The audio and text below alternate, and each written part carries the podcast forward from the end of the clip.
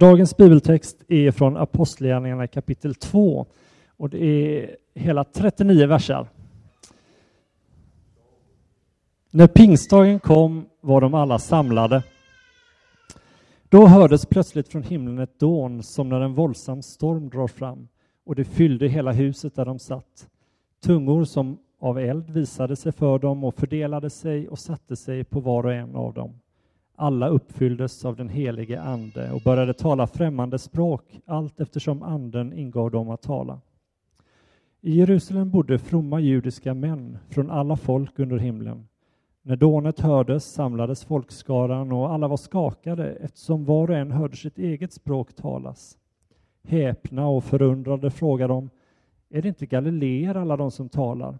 Hur kan då var och en av oss höra sitt eget modersmål?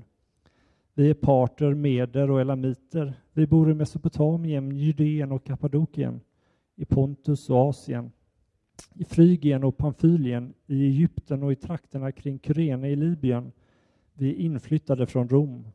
Vi är judar och proselyter, kretensare och araber. Ändå hör vi dem tala på våra egna språk om Guds väldiga gärningar. De var alla häpna och förvirrade och frågade varandra, vad kan det här betyda? Men andra sa hånfullt, de har druckit sig fulla på sött vin. Då steg Petrus fram tillsammans med de elva, höjde sin röst och talade till dem. Judiska män och Jerusalems alla invånare, detta ska ni veta, lyssna till mina ord. Det är inte som ni tror att de är berusade, det är ju bara tredje timmen på morgonen. Nej, detta som är sagt genom profeten Joel. Och det ska ske de sista dagarna, säger Gud, att jag utgjuter av min ande över allt kött. Era söner och era döttrar ska profetera, era unga ska se syner och era gamla ska ha drömmar. Ja, över mina tjänare och tjänarinnor ska jag i de dagarna utgjuta av min ande och de ska profetera. Och jag ska göra under uppe på himlen och tecken nere på jorden, blod, eld och moln av rök. Solen ska vändas i mörker och månen i blod innan Herrens dag kommer, den stora och strålande och det ska ske att var och en som åkallar Herrens namn ska bli frälst. Israeliter, hör dessa ord. Jesus från Nasaret var en man som blev erkänd av Gud inför er genom kraftgärningar, under och tecken. Genom honom gjorde Gud detta mitt ibland er, som ni själva vet. Efter Guds bestämda plan och beslut blev han utlämnad och med hjälp av de laglösa spikade upp honom och dödade honom. Men Gud har uppväckt honom och löst honom ur dödens vånda eftersom det inte var möjligt för döden att behålla honom. David säger om honom, jag har alltid Herren för ögonen, han är vid min högra sida för att jag inte ska vackla. Därför gläds mitt hjärta och jublar min tunga. Även min kropp får vila i trygghet. Att du inte lämnar min själ åt dödsriket eller låter din helige se förgängelsen. Du har visat mig livets vägar, du ska mätta mig med glädje inför ditt ansikte. Bröder, jag kan öppet säga er att vår stamfar David är både död och begraven. Hans grav finns här hos oss än idag. Men han var en profet och visste vad Gud med ed hade lovat att sätta en av hans ättlingar på hans tron. I förväg såg, såg han Messias uppståndelse och sa han ska inte lämnas åt dödsriket och hans kropp ska inte se förgängelsen. Denne Jesus har Gud uppväckt och vi är alla vittnen till det. Han har blivit upphöjd till Guds högra sida och fått den utlovade helige Ande av Fadern och han har utgjutit det som ni ser och hör. David har ju inte stigit upp till himlen, men han säger Herren sa till min Herre, sätt dig på min högra sida tills jag lagt dina fiender som en pall under dina fötter.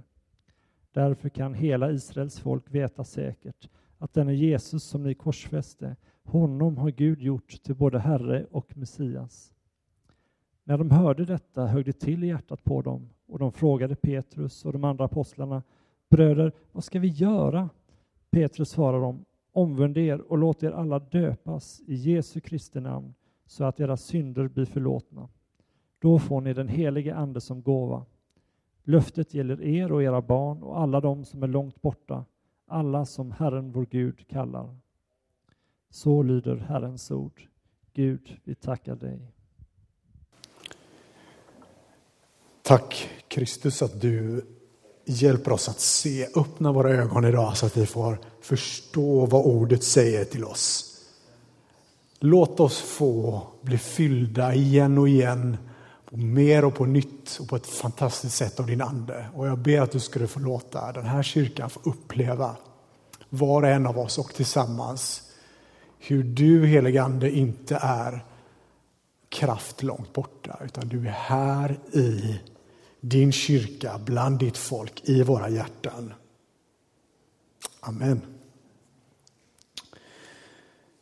Tack så mycket för att jag får eh, chansen att prata den här eh, söndagen. Det är ju som eh, Tobias sa mycket riktigt kyrkans födelsedag. Och vad menas med det? Jo, men det var ju nu som Petrus trädde fram som vi hörde och talade om för de första Eh, åhörarna som hörde evangeliet för första gången ut efter att anden hade blivit gedd till apostlarna. Så det är en väldigt speciell tid.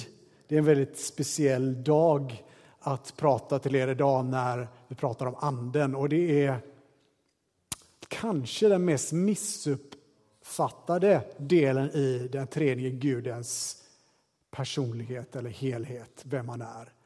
Många av oss har en kanske märklig eh, syn på vem anden är. Och kanske blir det bara ännu värre när vi hör en sån här text idag. Kanske blir det ännu svårare att förstå. Men vad då liksom?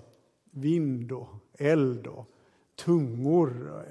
Mycket, mycket märklig text. I alla första delen av den. Är det så här som Gud gör med liksom sin kyrka? Är det här någonting som vi ska se som en textbok? Så här ska kyrkan göra. Eller ska vi se, det här var den första tidens kristna som, eh, som fick vara med om detta. Jag kommer lägga upp det här lite annorlunda idag. Jag tänker att jag kommer att ställa ett gäng frågor som jag tänker försöka besvara utifrån texten. I och med att det är en sån lång text, eh, Apostlagärningarna 2 är en fantastisk text om den första pingsten. Men för att vi inte ska eh, liksom, gräva ner oss för djupt i i, i textens alla delar och det är för stor uppgift så kommer jag att röra mig kring några frågor. Den första frågan som jag ställer mig till texten, och det här är bra, kan man göra när man läser texten, man läser någon text hemma. Så ställ frågor till texten och försök, och om du inte förstår eller, eller så här, själv kan ta reda på det genom olika källor, så fråga någon annan som också, Eh, kanske någon i kyrkan eller någon som du har förtroende för, så att du kan förstå. Men ställ frågor till texten. Så, den första frågan som jag ställer till den här texten är Är det så här som vi ska förvänta oss att Anden gör med oss? Eller var det till för det första troende? Lite det som vi pratade om alldeles nyss.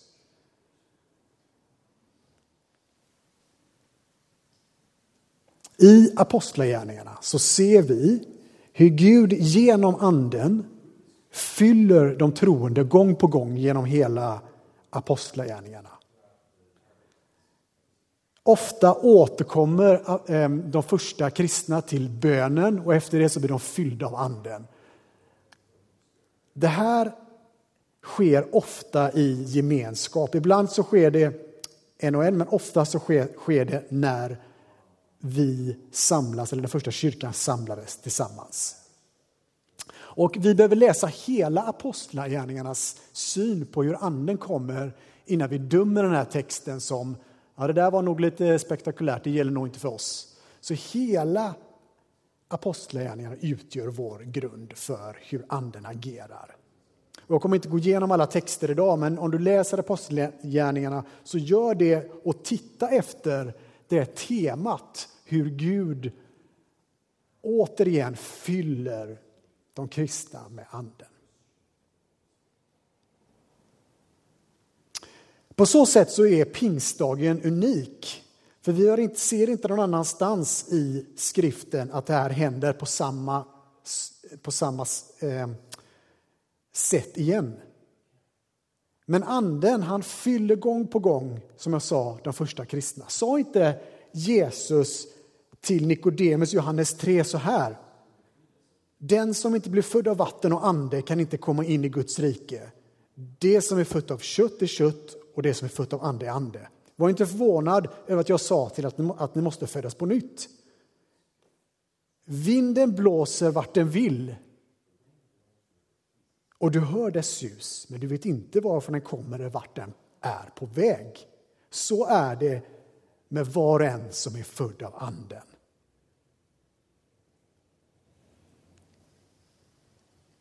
Så när anden kommer på pingstdagen så kommer han på ett sätt som han inte verkar komma precis på samma sätt igen. Men det är samma ande som kommer, men uttrycken blir lite annorlunda.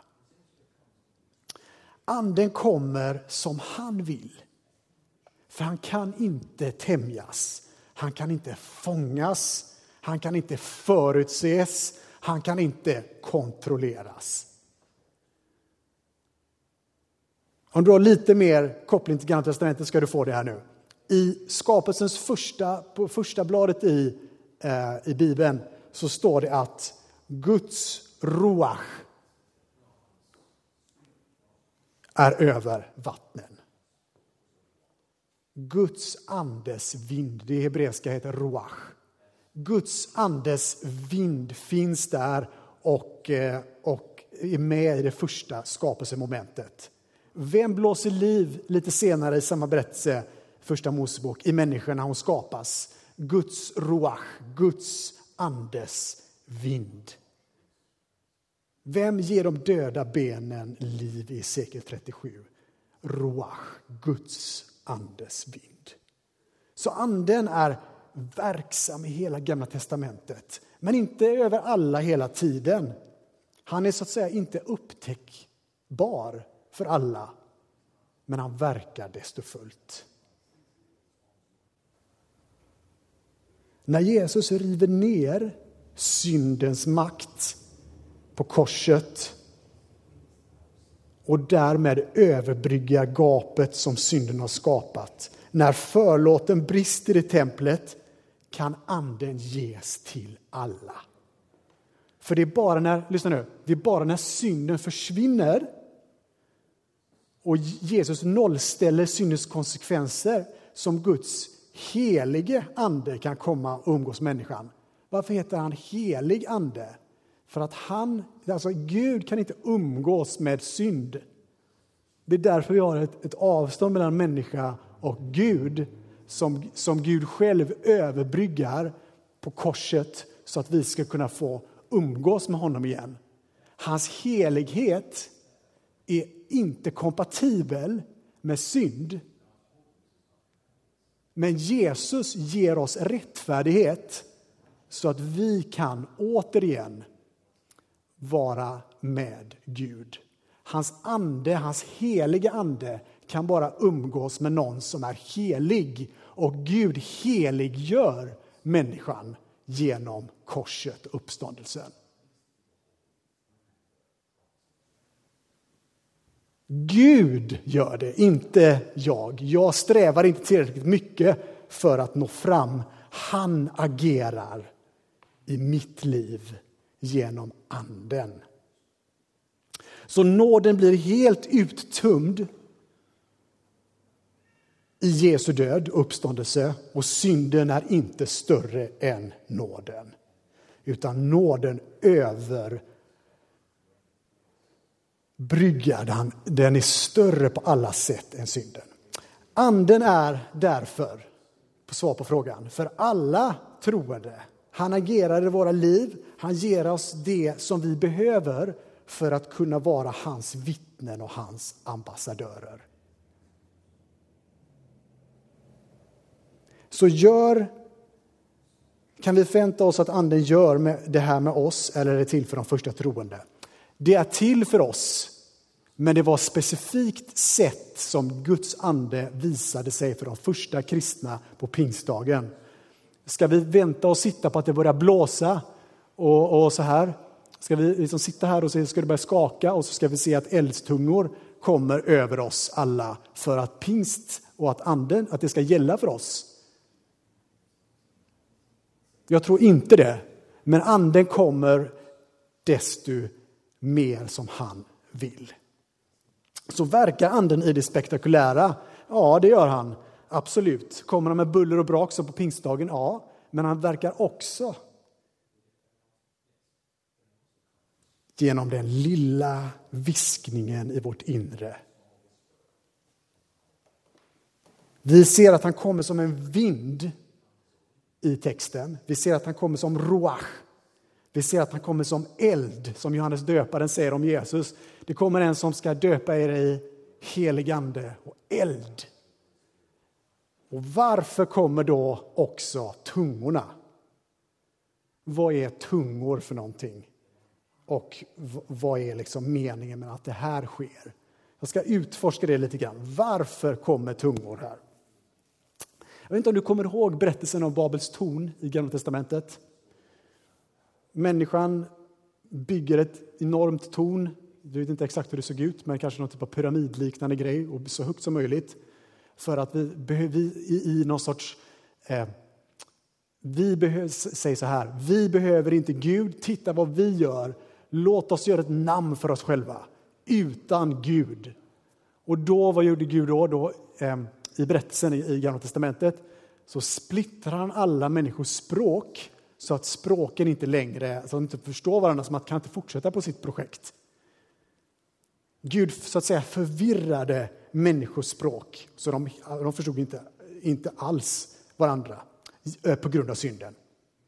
Men nu på pingstdagen så enas människan genom att språken blir ett. Så det som synden gjorde sönder enar Gud på pingstdagen. Det är rätt så goda nyheter faktiskt. Varför då? Jo, och jag ska komma till det alldeles strax, men på pingstdagen så gör Gud någonting helt igen. Han gör så som han gör i hans rike. Han enar, han återställer. Synden drar isär människor, som Babels torn. Men anden enar och gör allting helt. Men varför tungor? Lite märklig grej, lite för mycket extas kan man tycka. Vad är, vad är det här för någonting? Jag har läst det många gånger, men vänta nu här, måste det vara så här? Kan det inte vara lite mer normalt liksom, i livet? Så, här, kan inte bara, så att jag kan liksom förstå. Jag, ska jag ta det i tungor och så, och så hörs det på ett annat språk till någon annan? Jag känner liksom, ah, fun, funkar det verkligen så här? Jag känner, bara, men vänta nu här, är det här bra? Och om man ser hur Gud gör med det här tungotalet lite senare i, i eh, Apostlagärningarna 2 så är det alltid med ett syfte. Så han säger inte, det är inte liksom ja, nu är det bara ett gäng som talar i tungor och det blir olika språk och så blir det förvirring och så, och så, bara, och så blir det inget mer med det. Utan allting har ett syfte. Och särskilt på pingstdagen så hade det ett speciellt syfte. Varje nationalitet som var samlad hörde evangeliet på sitt eget språk. Och där kan man stanna där. Åh, fantastiskt, låt oss liksom tala i tungor hela tiden och sådär. Men vad säger texten? Här är stort men, utropstecken. Det här verkar ha gjort människor mest förvirrade som lyssnade på pingstpredikan. Hur kan Guds andes gåva göra mest folk förvirrade? Ingen verkar komma till tro på att någon talar i tungor eller att de hörde evangeliet i det här läget. Utan först när ordet utläggs av Petrus i kombination med vad de just hade hört i kombination med att Guds ande rörde vid deras hjärtan. När de här tre samverkade så blev folk räddade.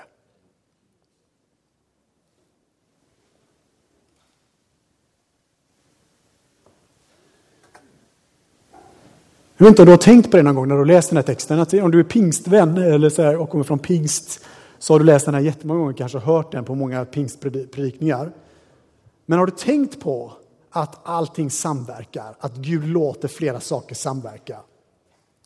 Jag har inte tänkt på det så många gånger förrän jag läste lite kommentarer kring det här.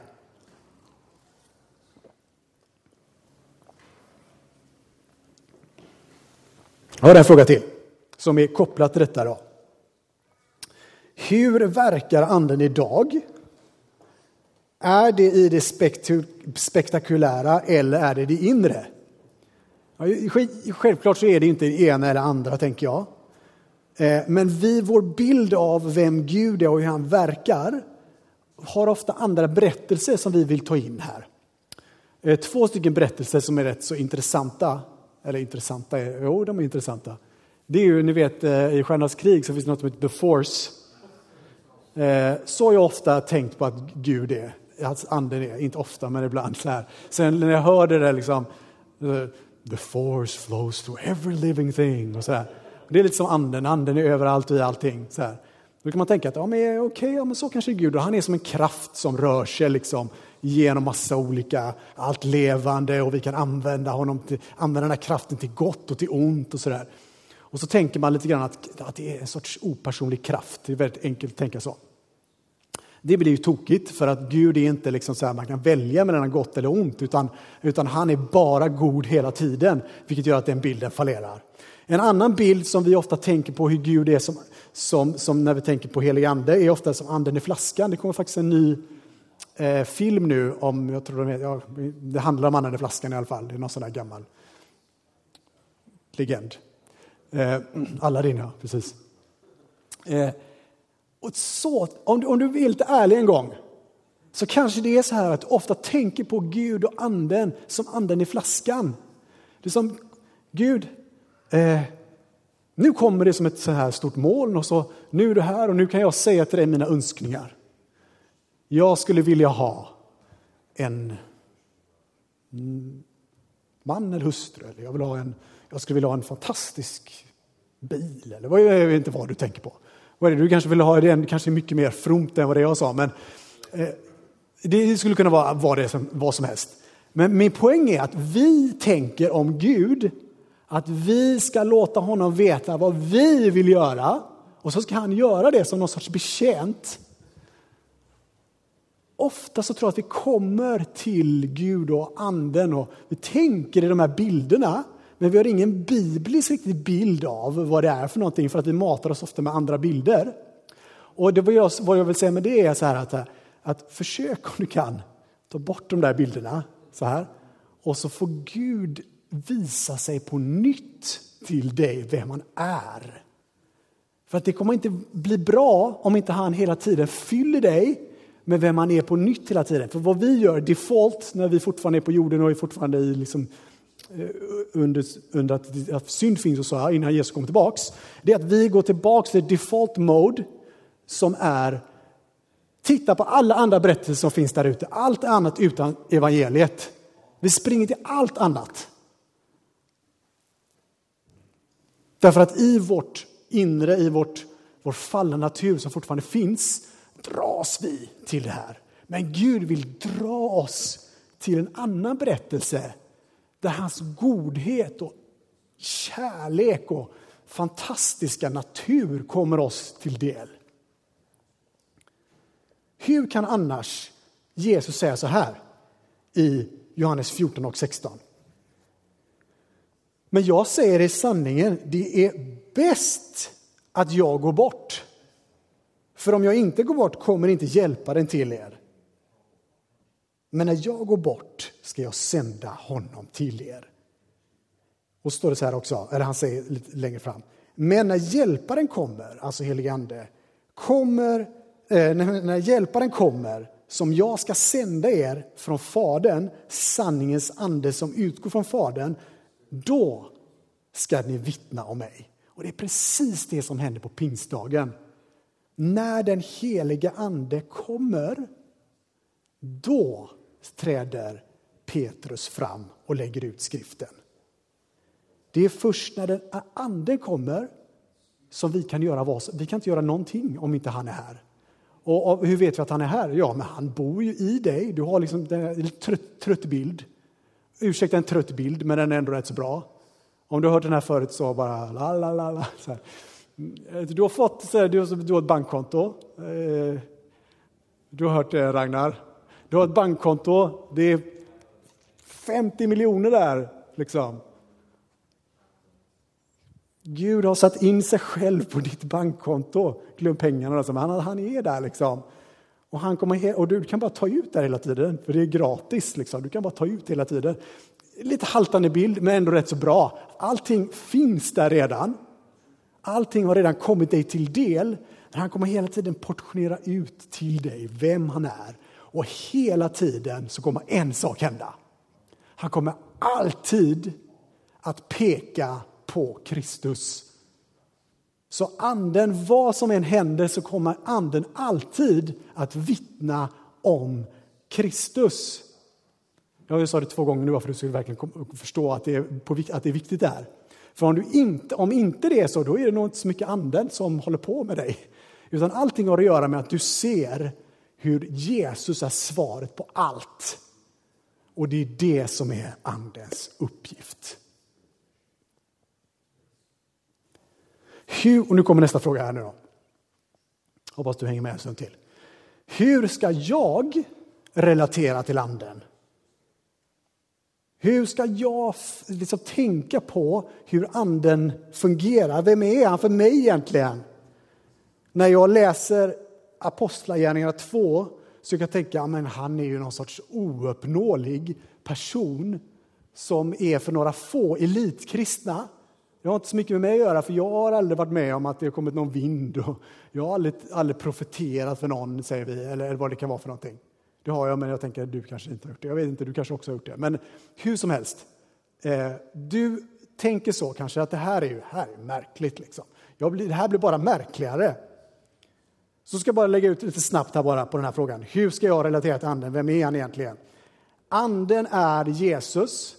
Det är samma, alltså Jesus, Jesus och anden är samma. Faderns, Sonen och den helige Ande är vad som utgör Gud. När du känner anden inom dig som ett levande vatten är det Jesu ande som är hos dig.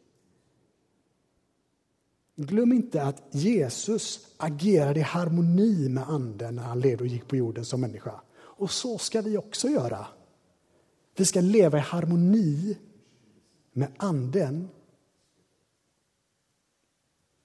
Och vi kan bli gripna och drivna av anden och på så sätt drivas som ett Guds rikes folk av anden och inte först av världen.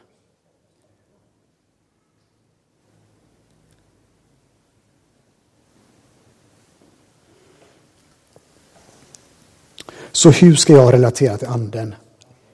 Tänk bara så här. När du ber till Gud så ber du till Sonen, Fadern och Anden. Det är liksom ingen skillnad. När du säger heligande kom så säger du Jesus kom. När du säger Fader uppenbara dig för mig så jag kan få hamna i din famn igen. Så är det Anden som kommer dig till del.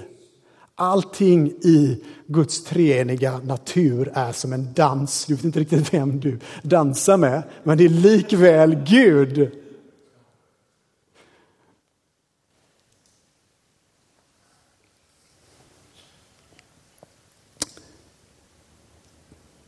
När vi läser den här texten så ställer jag mig en fråga till.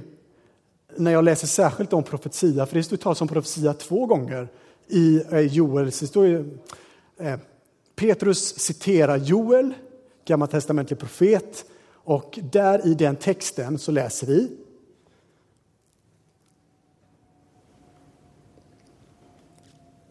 Och det ska ske de sista dagarna, säger Gud, att jag utgjuter av min ande över allt kött. Så kommer det här. Era söner och era döttrar skall profetera. Era unga ska se syner, era gamla ska ha drömmar. Jag över mina tjänare och tjänarinnor ska utgjuta i de dagarna utgjuta av min ande och det ska profetera. Så profetera kommer här nu två gånger. Drömmar, syner och så två profet, profeter, eller två stycken hänsyn till profetia. Och då kommer den här delikata frågan som jag ställde mig i alla fall. Vad är profetia idag för dig och mig? Vad, vad betyder det att du ska profetera för någon som du känner? Eller någon som du känner till? Eller, eller en person i din närhet? Vad innebär det? Är, det? är det som man säger så här? Ja, så säger Herren. Är det så? Är det som de gamla testamentliga profeterna agerade genom att liksom skriva ner ord, liksom citera saker som man ger till någon? Är det är det, det som är profetera? Jag vet inte hur du tänker med, med profetia, men, men, men, man kan lätt få uppfattningen att profetia är någonting som är helt ouppnåeligt för oss liksom vanliga. Det är som någon sorts elitkristna som håller på med det där. De här, de här ni vet, superpastorerna eller de som säger sig vara profeter eller vad det kan vara för någonting. Men om det är, om det är så här att det här ska ske över allt kött, att alla ska profetera, vad menas med att man ska profetera? Du kanske har ett jättebra snabbt svar, men jag skulle tänka mig att du inte har det. För att vi inte riktigt har rört oss i den här liksom, miljön så mycket. Men jag ska försöka mig på en liten definition. Att profetera är att genom Guds andes vishet och förstånd som samverkar med vårt eget visa på skillnaderna mellan Guds rike och världen. Vad som är riktigt och rätt och vad som inte är riktigt och rätt. En profetia avslöjar och blottlägger men den uppmuntrar alltid och den är alltid full av hopp. Den andas kärlek och den är alltid prövbar och i linje med Guds ord. Den lägger inte till någonting som är skrivet i Bibeln, eller kanon. Och den visar och den pekar på en räddare, Jesus Kristus.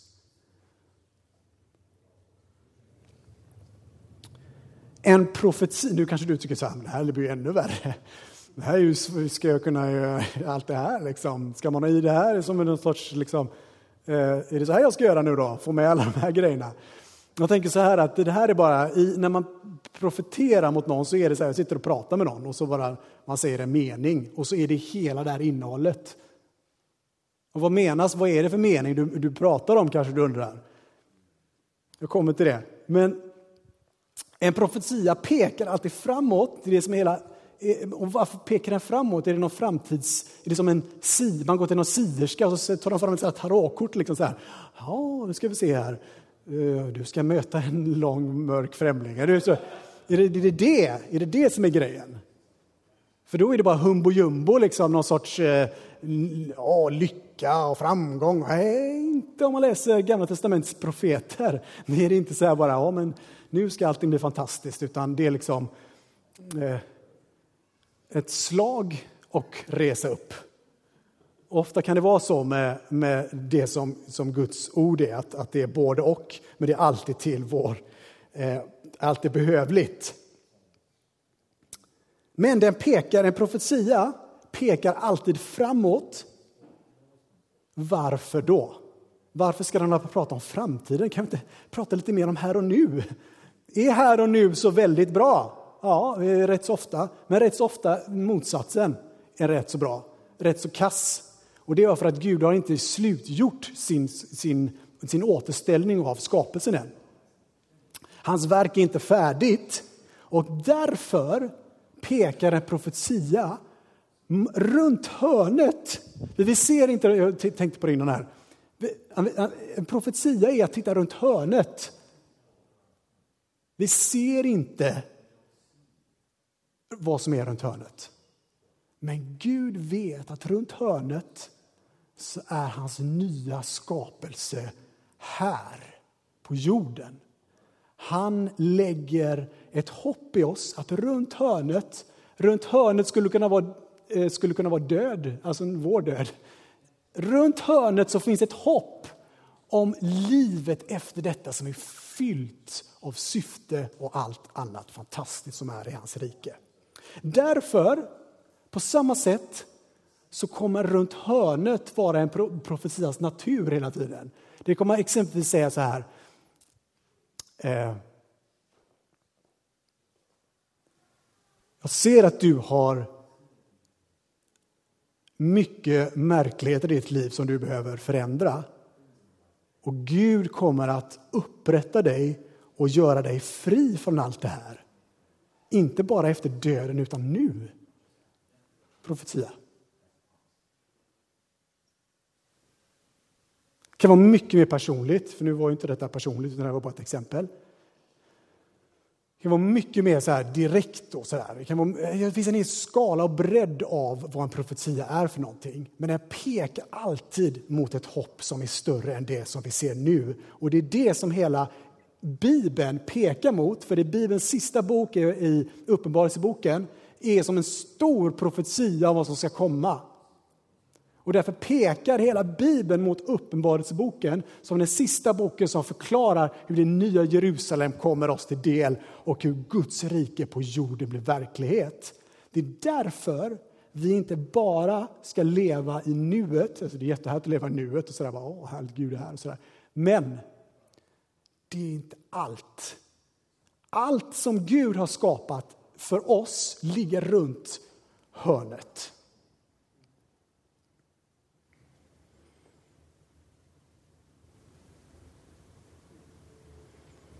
Jag ska avsluta alldeles strax.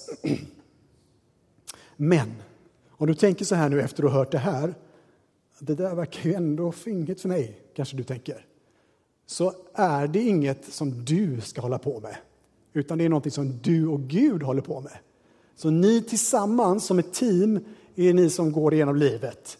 Därför, han säger, därför Gud säger så här i evangeliet, Jesus säger så här, jag ska inte lämna er ensamma, jag ska inte göra er faderslösa, utan jag ska vara med er alla dagar tills tidens slut. Och då kan man säga, ah, vad fint, alla dagar är han här någonstans, här, här uppe här kanske, eller, eller någon gång när jag kommer på söndag så är han med mig. Och så, ah, vackra, fina ord. Tänk om det är så här att skriften och allt som sägs är ditt på bankkontot men du har inte upptäckt det än. Och då tänker jag så här, den bilden fallerar, men om du tänker dig att Gud vill ge dig mer och mer hela tiden. Varför då? För att du ska bli mer och mer så som du är. Han upprättar dig till att du ska bli som du är. För du är på en återresa till att bli så som du var skapad, perfekt, utan fel, utan synd, utan någonting. Alltså inte utan någonting, utan, utan, utan helt perfekt var du skapad. Och sen så korrumperade livet dig på grund av synden som finns här och i ditt hjärta. Men Gud fixar ditt hjärta genom att han genom hela ditt liv låter dig få promenera med honom och ta han i handen och genom hans ande genom helgelseprocessen som händer med den som är kristen så blir du mer och mer lik honom. Finns det någonting bättre? Nej! ropar jag. Nej, det finns inget bättre. Det finns inget, ingen alternativ berättelse som når upp. Det finns ingen tillfredsställelse som är nog när du har träffat honom själv. Och det är inte så här, här uppe om fem år. Gud agerar nu i våra liv.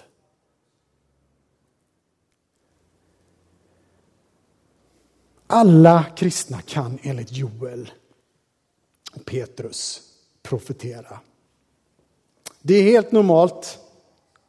Faktum är att allt i anden är helt normalt och helt okonstigt. Det är som jag sa när du sitter och pratar med din vän och så upplever du någonting som du märker, den här källan är inte bara jag. Det är inte bara någon, det här säger jag inte bara för min egen del för att jag vill liksom verka bättre för den här människan. Det här är någonting som jag, ja det måste bara ut den här meningen, den här bibelord, vad det kan vara för någonting. Så bara säger du det, så lämnar du det, sen kan ni ha det roligt. Alltså, det är inte rätt det är tråkigt, men alltså du, kan ha, du kan gå in och ut mellan det här hela tiden. Det är det som jag tänker, att det är det som jag ser alltså runt hörnet i ett liv där jag mer lever som Gud har tänkt för mig. Och vad menar jag med det? Jo, men att jag lever på ett sätt där jag inte är driven av andra berättelser, av andra källor, utan jag är driven mer och mer av Gud och hans källa. Att jag återigen och hela tiden får dricka djupt av anden som fyller ut det som är torrt på min insida. Det vi smakar, jag ska sluta säga detta, det vi smakar nu av anden kommer att bli mer av samma i evigheten. Därför är Guds rike här och runt hörnet så finns hans eviga rike och där har du en biljett. Dit skall du. Så redan nu så är den glädjen som kommer din här och nu. Mer och mer kommer riket, Guds rike, att ta över. Mer och mer kommer hans vågor att bryta igenom där ute. Och Jesus Kristus kommer till slut tillbaka i ära och makt. Så pingsten är inte för några få elitkristna. Pingsten är för oss, profetia, syner och drömmar, det är för oss. Över allt kött kommer anden. Amen.